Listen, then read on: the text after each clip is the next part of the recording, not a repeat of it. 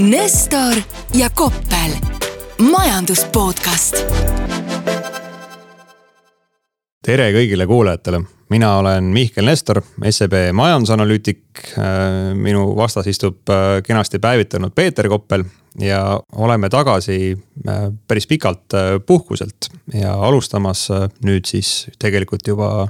meie majanduspodcast'i teist hooaega, et kuna suvi jäi vahele, et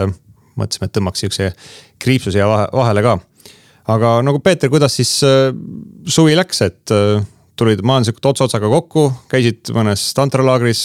mis toimus? no ma olen ikkagi selles mõttes viisakas inimene, et ma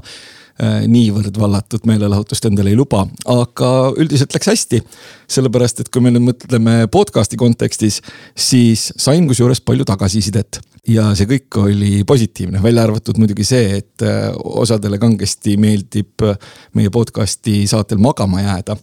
aga siis ma avastasin, et ka konkurendid teevad podcast'e ja need ei ole üldse sugugi halvad, aga on üks asi, mida nad mitte kunagi ei saa. ehk siis minu mahe hääl mida päris mitu korda ki kiideti. aga kui tulla nüüd võib-olla podcast'ist natukene väljapoole, siis äh, noh, vaatasin mõningate teenuste ja, ja, ja toodete hindu ja noh, kuigi ots otsaga tulin kokku, siis äh, need hinnatasemed panid äh, tegema vahetevahel ohoo ja vahetevahel ka ahaa ja vahetevahel suisa, et tõesti või no vot, kus sa vaatad, et mina käisin näiteks äh, perega Kuressaares puhkamas ja lõuna viiele kohalikus töölissööklas maksis neliteist eurot, et saab, saab hakkama. aga tegelikult no mina näiteks e-, erinevalt sinust ei tahtnud tegelikult isegi hindasid vaadata, et mina ei tahtnud neli nädalat peaaegu mitte midagi majandusest teada aga mida ma panin tähele, on siis see, et minu see alatine mure, et ikka, kuidas minu sellel väiksel portfellikesel läheb. ja et noh, kui võib-olla enne puhkust seal midagi väga roosilist ei olnud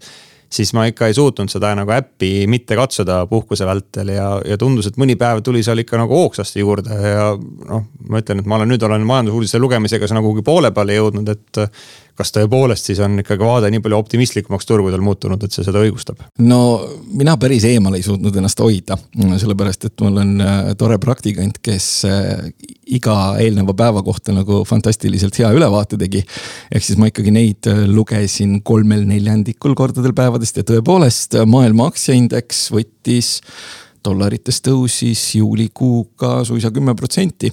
ja noh, mul on muidugi erakordselt hea meel, et äh, sinu portfellike nagu selle peale veidikene ülespoole tiksus. sellepärast, et äh, minu portfellike isiklik tiksus hoopis mõnevõrra allapoole, sellepärast et. ei tasu spekuleerida no,. ei tasu spekuleerida. küsimus ei olnud spekuleerimises, küsimus oli selles, et noh, ma olen selline oma isiklikus portfellis selline suhteliselt oportunistlik ja ma olin endale sinna päris palju energiasektorit äh, kuhjanud. ja see energiasektor nagu ei kippunud just juulikuus väga hästi toimima, sellepärast et äh, noh, mitte võib-olla väga üllatuslikul kombel äh, näiteks nafta hind hoopis liikus allapoole. nii et sinul läks hästi juulis minul juulis nii hästi ei läinud, aga midagi traagilist ka ei olnud aga mina kuulasin eile vähemalt endast oluliselt targemate meeste podcast'i siis globaalse majanduse kohta ja nemad rääkisid sellest, et kuidas nafta hinna kukkumine oli korraks vaid tingitud siis sellest, et USA oma reservidest äh, midagi nagu valla päästis ja tegelikult kohe see hind hüppas tagasi sellele kõrgele tasemele, noh. siin Euroopas gaasi hind on selline lugu, et ei julge suhugi seda nagu nime võtta elekter on väga kallis, et äh, jääb ikkagi natuke arusaamatuks, et miks need energiaaktsiad siis ei taha tõusta noh, vaata, sellega on selline lugu, et kui sa vaatad seda, mida nad viimase aasta jooksul teinud on, siis see on ikkagi nagu totaalselt fantastiline. Ja noh, muidugi totaalselt fantastiline on ka see noh, vaht, mida seal ümber keerutatakse, et kõigepealt siis poliitikud loovad ideaalsed äh, tingimused üli-üüberkasumite teenimiseks energiaettevõtetele ja siis juhtub see, mis nagu juhtuma peab, ehk siis energiaettevõtted teevad äh, üli-üüberkasumeid. ja siis poliitikud on väga üllatunud, et kuidas nad selliseid kasumeid teevad. äkki nad ei peaks nii palju kasumeid saama, võib-olla võtaks neilt natuke neid kasumeid ära, igal juhul see asi on väga-väga murettekitav. no mina maksumaksjana võidan igal juhul siis sellisel juhul et hoolimata sellest, et ma ei, ei pannud sinna raha sisse. ei no maksumaksjana ma ei nüüd ei ütleks, et sa nüüd ikka väga võidad, sellepärast et selline mitte just võib-olla kõige parem äh, majandus- ja monetaarpoliitika on ju teatavasti tekitanud sulle sellise olukorra, kus, kui sul palk tõe, tõusnud ei ole, siis sa oled mis kakskümmend kolm protsenti väiksema ostujõuga või kuidas sellega nüüd on meil siin Eestis? Äh, see ei huvita mind sugugi nimelt oli meil vahepeal tuli uus äh, valitsuskoalitsioon äh, võimule, kes hakkab mulle uuel aastal siis äh, sinu arvelt maksma iga kuu praktiliselt üheksasada eurot selle eest, et mul on kolm last. Ja noh, ma siin lõin kokku, et ilma tegemist on muidugi indekseeritud toetusega, et noh, kindlasti see summa saab olema oluliselt suurem tänu inflatsioonile, aga noh, et lihtsalt, et selleks ajaks, kuni mul nagu poiss saab kakskümmend neli, mis tundub väga kauge aja tagant, et siis selleks ajaks oled sa mulle maksnud umbes kakssada tuhat eurot, et lohutan sellega ah,. sa tegid suisa sellise Exceli, et sa said äh, teada, palju sa siis lõppude lõpuks oled saanud, äh, lõppude lõpuks no, saad. kui nagu jah, aga no ma ütlen, et see on äh, eeldusel, et äh, inflatsioon on järgmised kakskümmend äh, aastat null, mis ei ole. nojah, siis võib muidugi võtta mingisuguse ajaloolise keskmise ja siis see number nagu tuleb äh, veelgi toredam kokku. aga jah, selles mõttes, et niivõrd hästi mul nagu paraku selles kontekstis ei lähe kui sul. ja ma ütlen ausalt, et mul on sellest oluliselt rohkem äh, kahju, et mul mingisuguseid väikeseid jõnglaseid ei ole, kui, kui sellest, et mul nüüd riigi käest mingit raha jääb selle pärast saamata. no jõuad veel, üheksa sotti kuus peaaegu aga siin suurtest turu-uudistest veel noh, ma pean tunnistama, Toki, ma pealkirju nägin, et tegelikult ka keskpangad siin on päris jõuliselt äh, tulistanud vahepeal ja teinud nagu ajalooliselt äh, väga suuri lükkeid intressimäärades ülespoole, mistõttu meil on noh, võime selle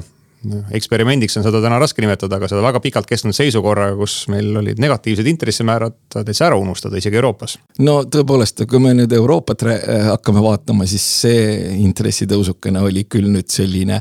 erakordselt noh, mõõdukas ja, ja, ja pigem selline kosmeetilist, butafoorilis kommunikatiivne, kui seda niimoodi võib nimetada. Ühendriikides on need olnud, äh, eks ole, veidikene jõulisemad, sellepärast et Ühendriikide majandusega teatavasti on alati veidikene paremini kui Euroopaga. rääkimata sellest, et neil ei ole äh, pahade agressorite gaasiga nagu väga suurt muret, mis nende sellist üldist pilti oluliselt kehvemaks teevad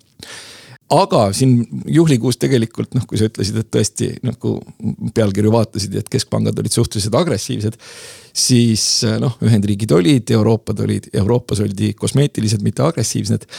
aga mis juhtus, oli see, et ühel hetkel turuosalised hakkasid nagu mõtlema, et no kuulge, et aga äkki nad on liiga agressiivsed, eriti Ühendriikide kontekstis. ja siis täiesti tõsimeeli hakati rääkima, et tuleb selline asi nagu pivot ehk siis äh,. mul jäi see kuskilt silma, silma ja minul tuli ainult see Exceli pivot sellega ette, aga noh, see on mingi muu pivot jah. pivot, mina olen aru saanud, et see tuleb startup'i maailmast ja see on siis põhimõtteliselt see, et kui sul ei õnnestu nagu äh, globaalset äh, salatiturgu äh, äpi abil disrupt ida, ma väga vabandan selle sõna kasutamise eest, siis sa võtad, teed pivot'i ja hakkad müüma ükshaaval ökoloogiliselt kasvatatud mustikaid äh, äpi, äpi kaudu või midagi sellist, et see on pivot, et sa põhimõtteliselt muudad kardinaalselt seda, mida sa teed. ja siis hakati nagu tõsimeeli arvama, et ähm, noh, varsti Fed teeb äh, pivoti ja järgmise aasta alguses võib-olla hoopis intressid tulevad alla ja. ja, ja noh, see ka paljudki põhjendas seda, et mikspärast globaalsed aktsiaindeksid mingid kuuga kümme protsenti ülespoole panid. mina muidugi äh, julgen väita, et selline arusaam on selline natukene vaimupimeda võitu, sellepärast et äh, palju meil see Ühendriikide inflatsioon on, mingisugune kaheksa, üheksa on ju. Äh, eelmisel nädalal tulid tööturu andmed, kus nagu pool miljonit töökohta loodi nagu naksti juurde. et noh, sellises kontekstis mingisugusest pivotist rääkida on äh, selline väga huvitav optimism või siis äh, või siis, või siis sihukene mõningane vaimupimedus suisa. aga selline ilus narratiiv, noh, mulle tundub, et on tänaseks ikka juba läbi kukkunud, on ju, et kogu see pivoti jutt, et äh, tegelikkuses täpselt, et ei ole seda oodata, et Föderaalreserv nüüd siin oma kursilt kuidagi nagu kõrvale kalduks või mingisuguse tagasipöörde teeks. aga noh, sellele vaatamata, et turgudel jälle mitte midagi nagu hullumeelset pole ju juhtunud selle, sellest hoolimata, et see nagu ilus lugu siis võib-olla enam nii täna, tänasel päeval nii hästi ei lenda tõepoolest, et aktsiate puhul ei ole mitte midagi hullu juhtunud. aga noh, aktsiaturud liiguvad alati nagu ühe, nii ühes kui teises suunas, nad kipuvad nagu lühiajaliselt üle reageerima. et võlakirjaturud, noh, mina ütleksin, et pigem sellisesse sellesse pivotisse siis enam ikkagi uskuma väga ei, ei kipu. ja noh, ütleme, et ega see nii-öelda sügise liikumine või see sügisene arusaam sellest, mida aktsiaturud teha võiks. et tänasel päeval enam nagu mingisugune nagu liiga optimistlik ei ole, aga ta ei ole samas ka liiga pessimistlik, nii et äh, ütleme, et noh mul jällegi isiklikus portfellis äh, ütleksin, et mingisugust nagu väga märkimisväärset äh, raha osakaalu ma ei kipu, kipu hoidma, aga noh, nagu ma ütlesin, et ma olen oma isiklikus portfellis ka suhteliselt oportunistlik. ja teine asi, mis on muidugi see, et ega mul nagu võlakirjade suhtes ka ei ole tekkinud jätkuvalt mingisuguseid väga-väga selliseid mahedaid äh, romantilisi emotsioone, et ma neidki praegu nagu ostma kipuks, et noh, ma selles suhtes väga ei, ei saa aru, et kuhu suunas nad nagu veidikenegi pikemas perspektiivis liikuda võiks. Aga USA kontekstis mulle ikka tundub, et see nagu päris äh, on mõneti taandunud võib-olla see hirm sellise nagu kohese majanduslanguse ees, kuid äh, noh, jällegi, et siin järgmise aasta plaanis ja, ja ikkagi tundub, et ei ole ka seda nagu mitte ära unustatud, et selline risk kindlasti eksisteerib. Äh, risk eksisteerib, mm, aga sellega muidugi oli ka, minu meelest see ikkagi jäi juulisse, et oli selline naljakas lugu, et kui tavaliselt öeldakse, et kaks järjestikust kvartalit äh,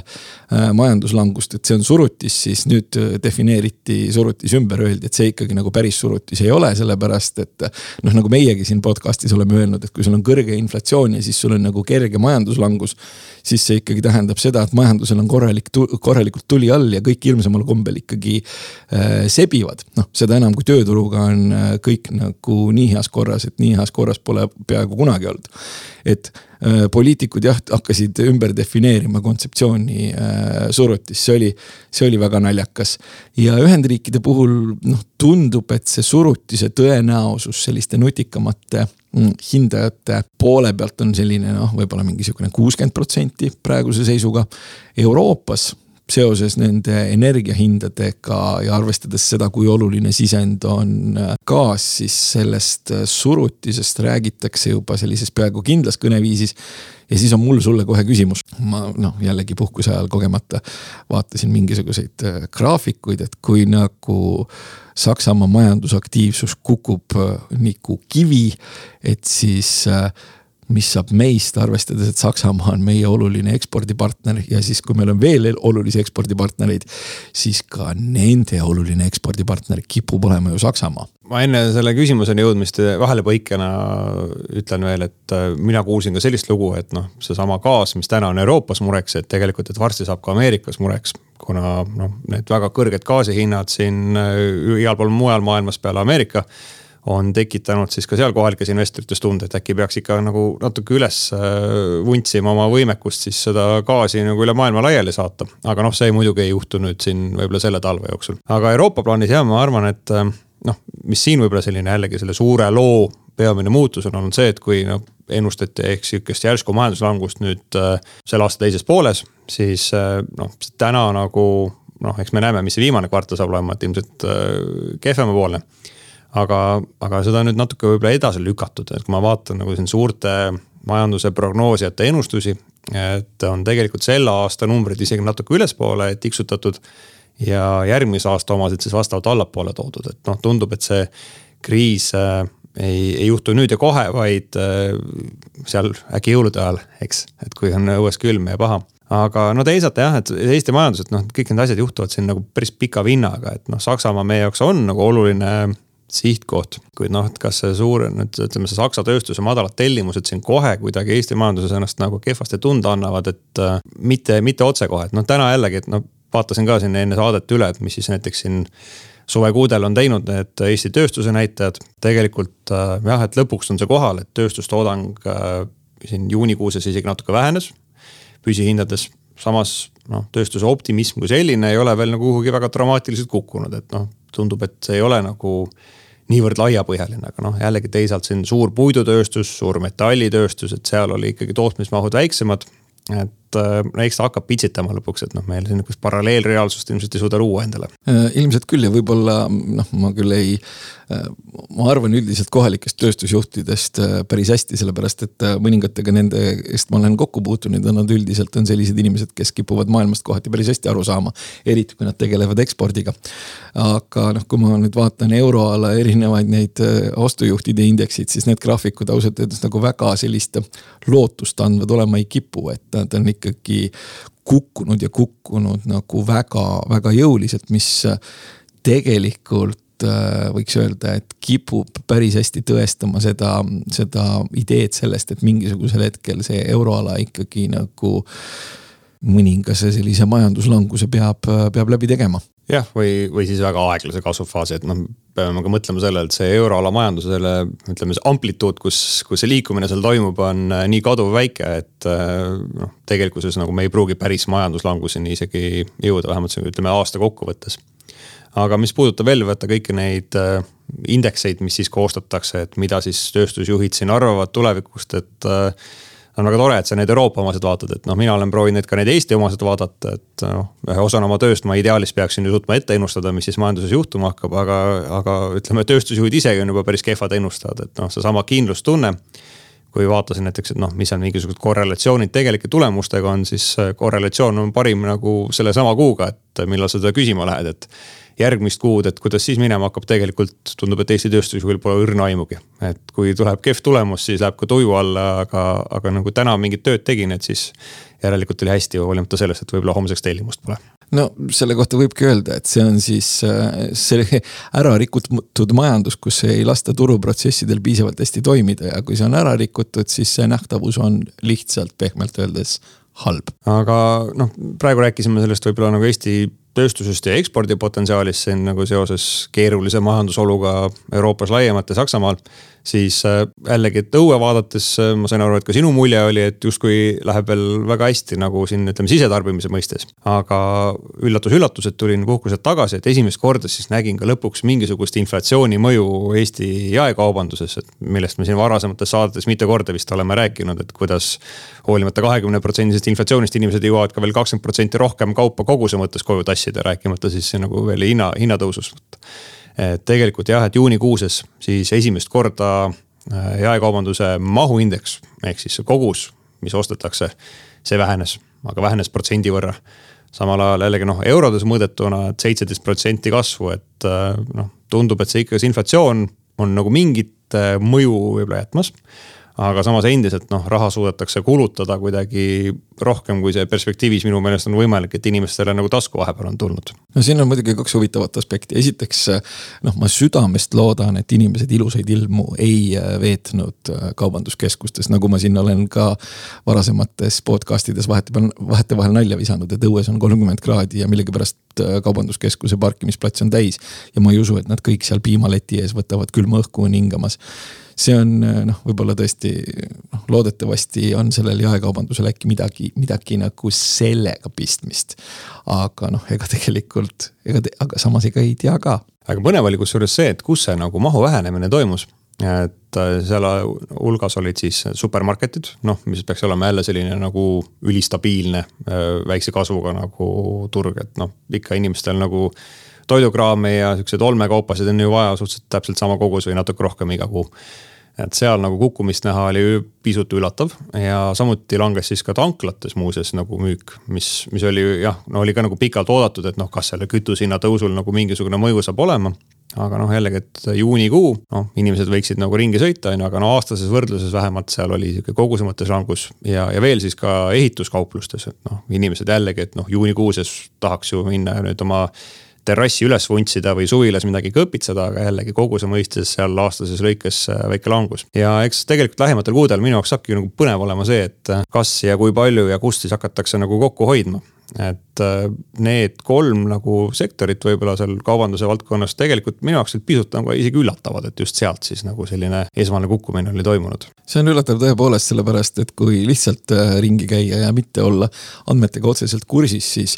äh, tundub olevat sellist suhtumist hoopis, et ähm, noh, et ostame nagu praegu kõik ära ja praegu ikkagi elame või siis kuidas see piibli tsitaat oli, et söögem ja joogem, sest homme me sureme. sellepärast, et noh, mingisugune arusaam on tekkinud, et see sügis ja talv tulevad nii kohutavad. ehk siis praegune, praegu on viimane hetk justkui eh, nautida eh, kõike alates ilusast ilmast kuni hea söögi ja siis ehituspoest ostetud terrassilaudadeni välja. et kuidas sul on nagu mulje, et kas noh, käisid ka, eks ole, ringi. kuidas sul see mulje on, et milline inimeste arusaam sellest meie sügisest ja talvest olema saab, sellepärast et noh, ka kõige ilusamal suveilmal, kui mainida inimestele talv, siis noh, neil läks ikkagi, nad läksid ikkagi kõik näost ära. minu käest on ka nagu inimesed teavad, et ma seal kuskil pangas töötan ja vahel küsitakse, on ju, et mis siis saama hakkab, aga,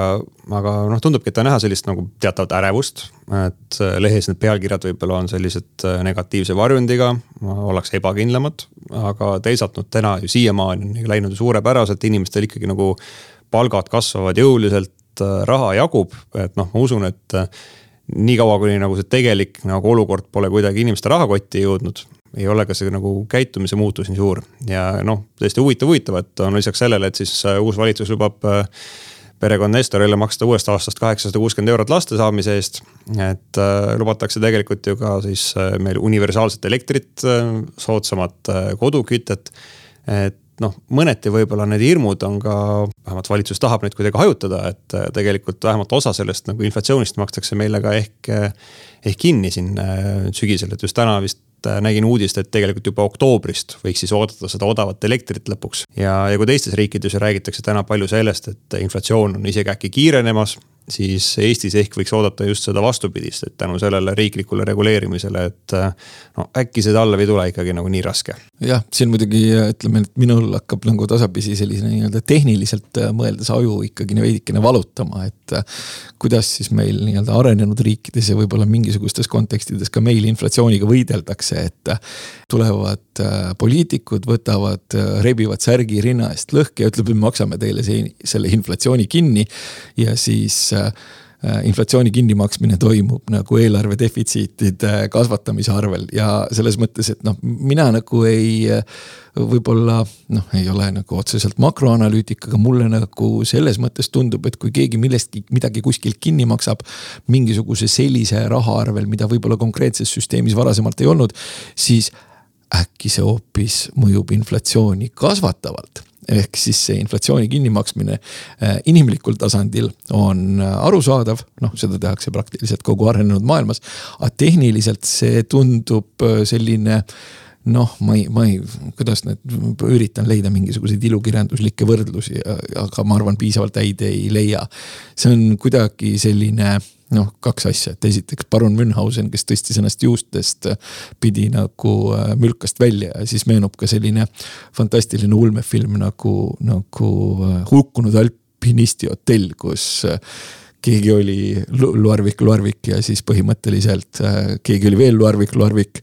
ehk siis äh, ise tekitan inflatsiooni, ise maksan seda inflatsiooni kinni ja sellega tekitan suuremat inflatsiooni. fantastiline. Peeter Koppelil on täiesti õigus, sest et sama on öelnud ka siin jällegi suured äh, organisatsioonid nagu kõik, ma ei eksi, IMF vist oli ka just tuli välja sellise pressiteatega, et tegelikult, et äh, noh, tuleb toetada kõige vaesemaid, aga et ei tasu siis nagu kõigile kõike kinni maksta. aga noh, teisalt äh, jällegi noh, poliitiliselt on ju nagu arusaadav, et äh, enne siin parlamendivalimisi inflatsioon kakskümmend kolm protsenti, et kes seda tahab, et muuseas tulin ka nagu puhkuselt tagasi, et enne puhkust õnnestus nagu vestelda siis Prantsuse ajakirjanikuga ja Rootsi ajakirjanikuga, kes oli spetsiaalselt Eestisse komandeeritud vaatama seda imeriiki, kus hinnad nagu nii palju tõusevad noh, oleks olnud siin puhkuse ajal veel võimalus siis kohtuda ka ajakirjanikuga Ameerikast, Jaapanist ja Tšehhi Vabariigist ja rääkida täpselt samast asjast. et no ma olen ka äkki isegi õnnelik, et me võib-olla kuidagi õnnestuks sellest nagu topist sealt nagu esikohalt vähemalt nagu maha ronida, et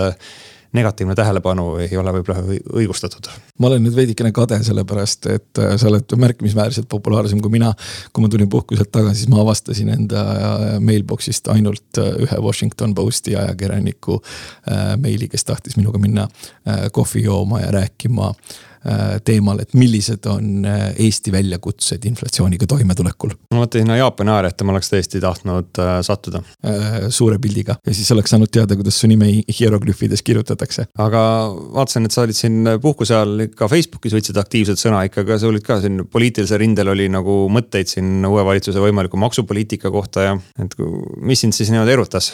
Ei, selles mõttes, et äh, eks ma väljendasin sügavalt isiklikke seisukohti ja frustratsiooni ja tegin seda kuskil päikese käes ja telefonis. aga ega mulle nii-öelda põhimõtteliselt mingisugused sellised äh, nii kindlas kõneviisis äh, räägitud nagu lood sellest, kuidas makse hirmsamal kombel tõstma peab, et noh, need ei meeldi väga kunagi.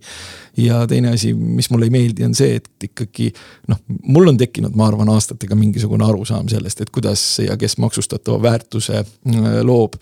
ja siis ma leian, et võib-olla neid ei tuleks nagu karistada või hirmutada või, või, või, või kiusata selle eest, et nad seda maksustatavat väärtust loovad, et. vananenud kapitalisti arusaam, võta seda kalamaja maailmavaadet endasse. ma ei võta seda kalamaja maailmavaadet endasse, sellepärast et kalamaja maailmavaade on selline nagu kõik sellised toredad utopistlikud maailmavaated, et nad kehtivad äh, võib-olla nii-öelda kahes kohas, et eks nad kehtivad siis raamatus või siis kultuuriajakirjanduses või siis Norras, kus on sisuliselt piiramatu ressurss. et mujal nad ei kipu nagu väga, väga, väga hästi kehtima. ja seetõttu tõesti noh, mulle noh, ma ei, ma arvan, et, et praegune valitsus eriti mingisuguseid makse hirmsamal kombel tõstma ei hakka, maksukoormust nagu märkimisväärselt suurendama ei hakka. ja pärast valimisi noh, ma pakun ka, et ilmselt